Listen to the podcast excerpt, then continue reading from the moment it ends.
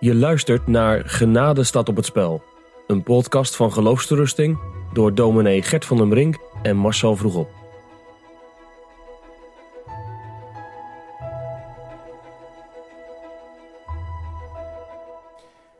We hebben in de inleiding het gehad over Arminianisme en dat ik je wat stellingen zou gaan voorleggen. Nou, de eerste die ik je wil voorleggen is een stelling die ik in mijn omgeving uh, veel hoor. Het is niet echt een stelling, maar eigenlijk meer een uitspraak. Maar ik hoop toch dat je erop wil reageren. En dat is de opmerking, je moet Jezus aannemen. En nou, de ene die zegt dat en is daar dus een voorstander van. En de ander die, is dat, die zegt dat niet omdat hij er een tegenstander is. Omdat hij zegt van joh, dat is Arminiaans. Je mag niet zeggen, je kunt niet zeggen tegen iemand, je moet Jezus aannemen. Wil je daar eens op reageren? Ja, ik vind dit uh, een typisch voorbeeld van zo'n uh, gedachte waarvan mensen bang zijn dat het Arminiaans is en daarom afwijzen, terwijl het helemaal niet Arminiaans is.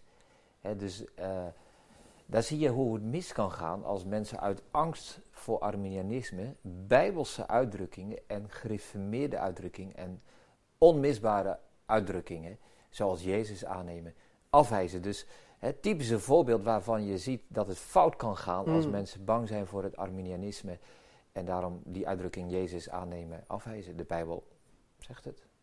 Maar uh, waarom, waarom denkt men dat dan? Waarom zijn er dus blijkbaar mensen die zeggen van joh, dat is Arminiaans? Kijk, wat belangrijk is, de Arminianen die zeiden eigenlijk dat het als volgt is. God heeft zijn zoon gegeven, God heeft een mogelijkheid van zalig worden eh, aangeboden en nu is het aan mij en is het aan mijn vrije wil en is het aan mijn keuze, afhankelijk van mijn aannemen of ik zalig word. Ja, dus dan zit God als het ware machteloos toe te kijken. En God die hoopt maar dat wij mensen zo gewillig zijn om te gaan geloven en Jezus aan te nemen. Ja, en als wij dat niet doen, ja, hè, dan, dan, is het, ja, dan kan God eigenlijk ook niks meer doen. En dat is die Arminiaanse gedachte over Jezus aannemen. Dat het nu bij ons ligt. God heeft zijn aandeel gehad en nu moet hij ook maar afwachten.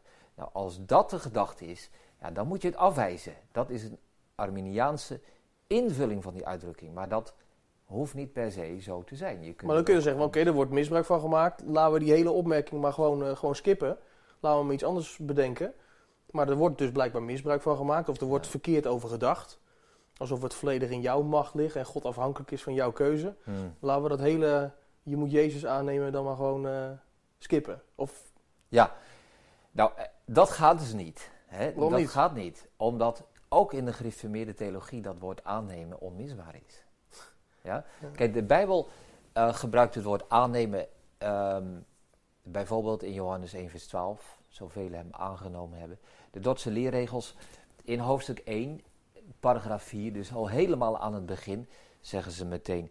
Degene die dit evangelie niet geloven, op die blijft de toorn van God, maar die het aannemen en de zaligmaker Jezus met een waar geloof omhelzen, die worden van de toorn en het verderf verlost.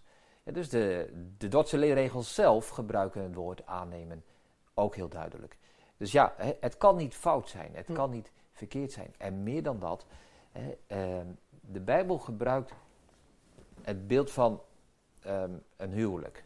Ja? Een bruidegom en een bruid, die geven elkaar hun ja-woord. En de vraag is, neem je aan tot je wettige echtgenoot, echtgenote. Dus daar, eh, dat woord aannemen speelt daar een belangrijke rol in. En zo iemand geeft zijn ja-woord daarop. Nou, het geloof is het ja-woord, het aannemen van Christus.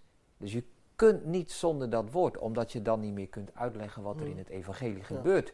Daar wordt Christus ons aangeboden. Of neem dat voorbeeld van de bedelaarshand. Een bedelaar ontvangt een gave. Die is zelf arm en die heeft, dat, die heeft gebrek, maar die neemt de gave aan. En als je dat eruit laat, dan, hè, dan heeft het aanbieden ook geen zin meer. Mm, mm. Aanbieden, aannemen zijn woorden die elkaar veronderstellen. Dus we hebben, we hebben dat woord aannemen nodig om de Bijbelse, om de gereformeerde leer over geloof en over toe-eigening eh, uit te leggen. Dus we kunnen, we kunnen niet zo ver gaan en zeggen van nou, hè, ehm, we schaffen het af. Dus we moeten meer zeggen dan aannemen alleen, maar minder zeggen dan dat gaat niet. Je luisterde naar een podcast van Geloofsterusting. Wil je meer luisteren, lezen of bekijken? Steun dan onze missie en ga naar de website geloofsterusting.nl